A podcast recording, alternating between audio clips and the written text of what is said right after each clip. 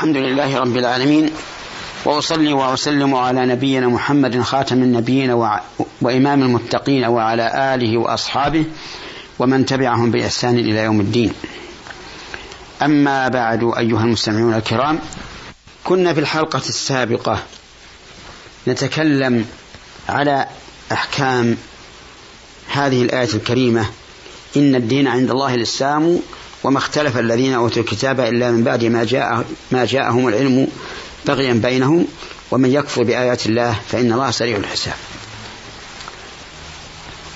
فلنستمر في في استنباط الأحكام والفوائد منها. من فوائدها أن من عمل عملا يتعبد به لله على غير وفق الشرع فهو مردود.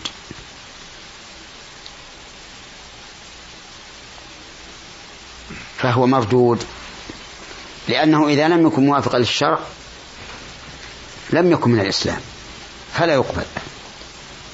ولكن لا يعني ذلك أن فاعله يكفر لأن هذا له تفاصيل معروفة عند أهل العلم.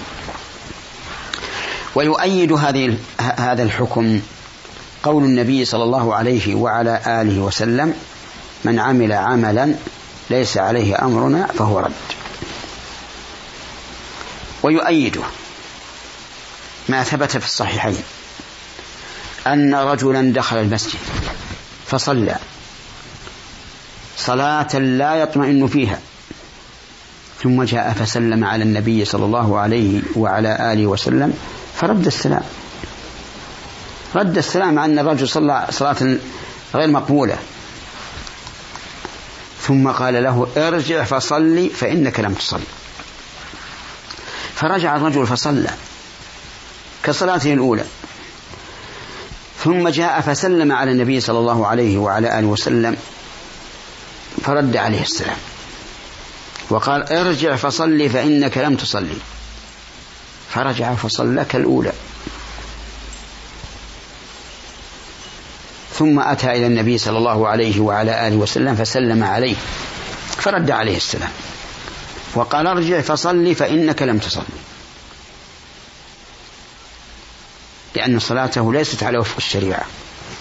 فقال الرجل والذي بعثك بالحق لا أحسن غير هذا فعلمني. ما شاء الله. هذا هذا الكلام عجيب. أولا الرجل أقسم بالذي بعثه بالحق ولم يقل والله. إشارة إلى أن ما يرشده إليه النبي صلى الله عليه وعلى آله وسلم هو الحق وأنه من عند الله. الثاني أنه ذكر نقص نفسه وأنه محتاج إلى إلى من يكمل نقصه. فقال لا أحسن غير هذا. لا أحسن غير هذا. ليعذره النبي صلى الله عليه وعلى آله وسلم وليرشده إلى الحق. والثالث قال علمني. طلب من النبي صلى الله عليه وسلم أن يعلمه. ومعلوم أن نبينا صلى الله عليه وعلى آله وسلم سيعلمه. لكن إذا جاء بطلب على شغف وانتظار صار أبلغ في النفس وأرسخ في القلب. فعلمه. قال إذا قمت إلى الصلاة فأسبغ الوضوء. ثم استقبل القبلة فكبر ثم اقرأ ما تيسر معك من القرآن ثم اركع حتى تطمئن راكعا ثم ارفع حتى تطمئن قائما ثم اسجد حتى تطمئن ساجدا ثم ارفع حتى تطمئن جالسا ثم اسجد حتى تطمئن ساجدا ثم افعل ذلك في صلاتك كلها. الشاهد من هذا الحديث قوله صلى الله عليه وعلى آله وسلم فإنك لم تصلي. أي لم تصلي صلاة مقبولة وإلا الرجل صلى. لكنها غير مقبولة لأنها ليست على وفق الشريعة. وعلى هذا فما يحدثه أهل البدع من عبادات قولية أو فعلية يجب أن نعرضها على السنة. فإن كانت السنة تؤيدها فهي حق بالسنة. وإن لم تكن تؤيدها فهي باطلة مردودة على صاحبها لا تزيده من الله إلا بعدا. لأن النبي صلى الله عليه وعلى آله وسلم حذر من البدع وقال كل بدعة ضلالة. قد يزين الشيطان لأهل البدع بدعهم ويحدث في قلوبهم رقة وفي أعينهم دمعة ولكن ذلك لا ينفعهم لأنهم على خلاف الشرع. فإذا قال قائل ما تقولون هل الأصل في العبادات أن يتعبد الإنسان لله تعالى بما يستحسنه؟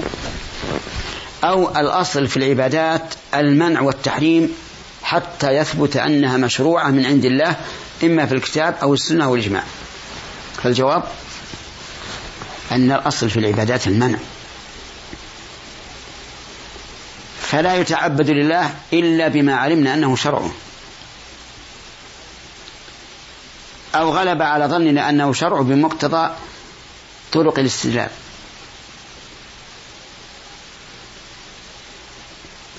ولو اتبع الحق أهواءهم لفسدت السماوات والأرض ومن فيهن. لو كان كل إنسان يستحسن شيئا يتعبد لله به صار عبادة يتفرق الناس. وصار كل طائفة لهم دين وكل أهل بلد لهم دين وكل أهل زمان لهم دين. ومسخ الدين الإسلامي. لكن هنا قواعد. وعلى هذا فلو رأيت شخصا يتعبد الله عز وجل بخلاف ما تعرف أنه شرع قل له يا أخي ليش؟ ليش تصلي؟ ليش تفعل كذا؟ ليش تفعل كذا؟ هل هذا وارد؟ إذا قال نعم وارد. نقول بعد فيه فيه مرحلة ثانية هل ورد على وجه صحيح؟ إن أثبت ذلك على وجه صحيح قلنا الحمد لله. جزاك الله خيرا وزادك من التمسك بدين الله وأرشدتنا الآن إلى شيء كنا نشهده. أما إذا كان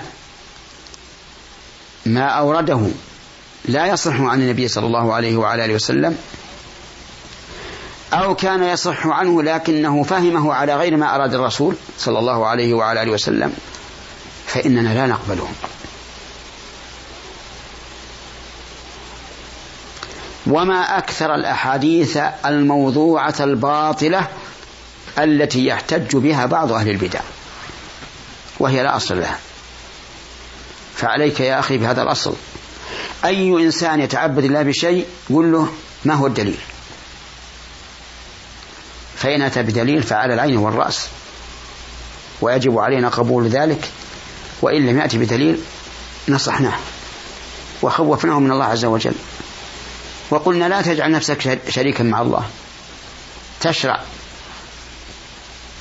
العبادة بدون إذن من الله. والواجب على كل مسلم تبين له الحق أن يتبعه وتبين له الضلال أن يجتنبه حتى يكون مسلما حقا مستسلما لله عز وجل. ومن فوائد هذه الآية الكريمة أن الدين عند الله السلام إلى آخره. أن أهل الكتاب المختلفين قد اختلفوا عن علم لا عن جهل. والمخالف عن علم أشد إثما من المخالف عن جهل. فالمخالف عن علم من قسم المغضوب عليهم والمخالف عن جهل من قسم الضالين. والأول أشد لوما وأعظم إثما.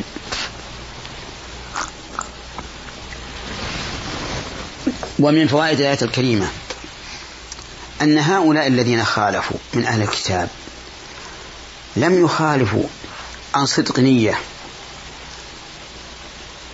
وحسن طوية ولكنه البغي والعدوان والحسد. ومن فوائد هذه الآية الكريمة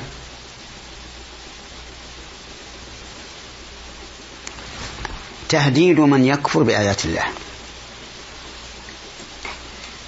بأن محاسبته قريبة. فعليه أن لا يتمادى. عليه أن يرجع إلى إلى الإيمان بعد الكفر. إلى السنة بعد البدعة. إلى الطاعة بعد المعصية قبل أن يفجأه الأجل ولا يتمكن. قال الله عز وجل إنما التوبة على الله للذين يعملون السوء بجهالة ثم يتوبون من قريب فأولئك يتوب الله عليهم وكان الله عليما حكيما. وليست التوبة للذين يعملون السيئات حتى إذا حضر أحدهم الموت قال إني تبت الآن. ولا الذين يموتون وهم كفار أولئك أعتدنا لهم عذابا أليما. ومن فوائد هذه الآية الكريمة إثبات محاسبة الله عز وجل للخلق.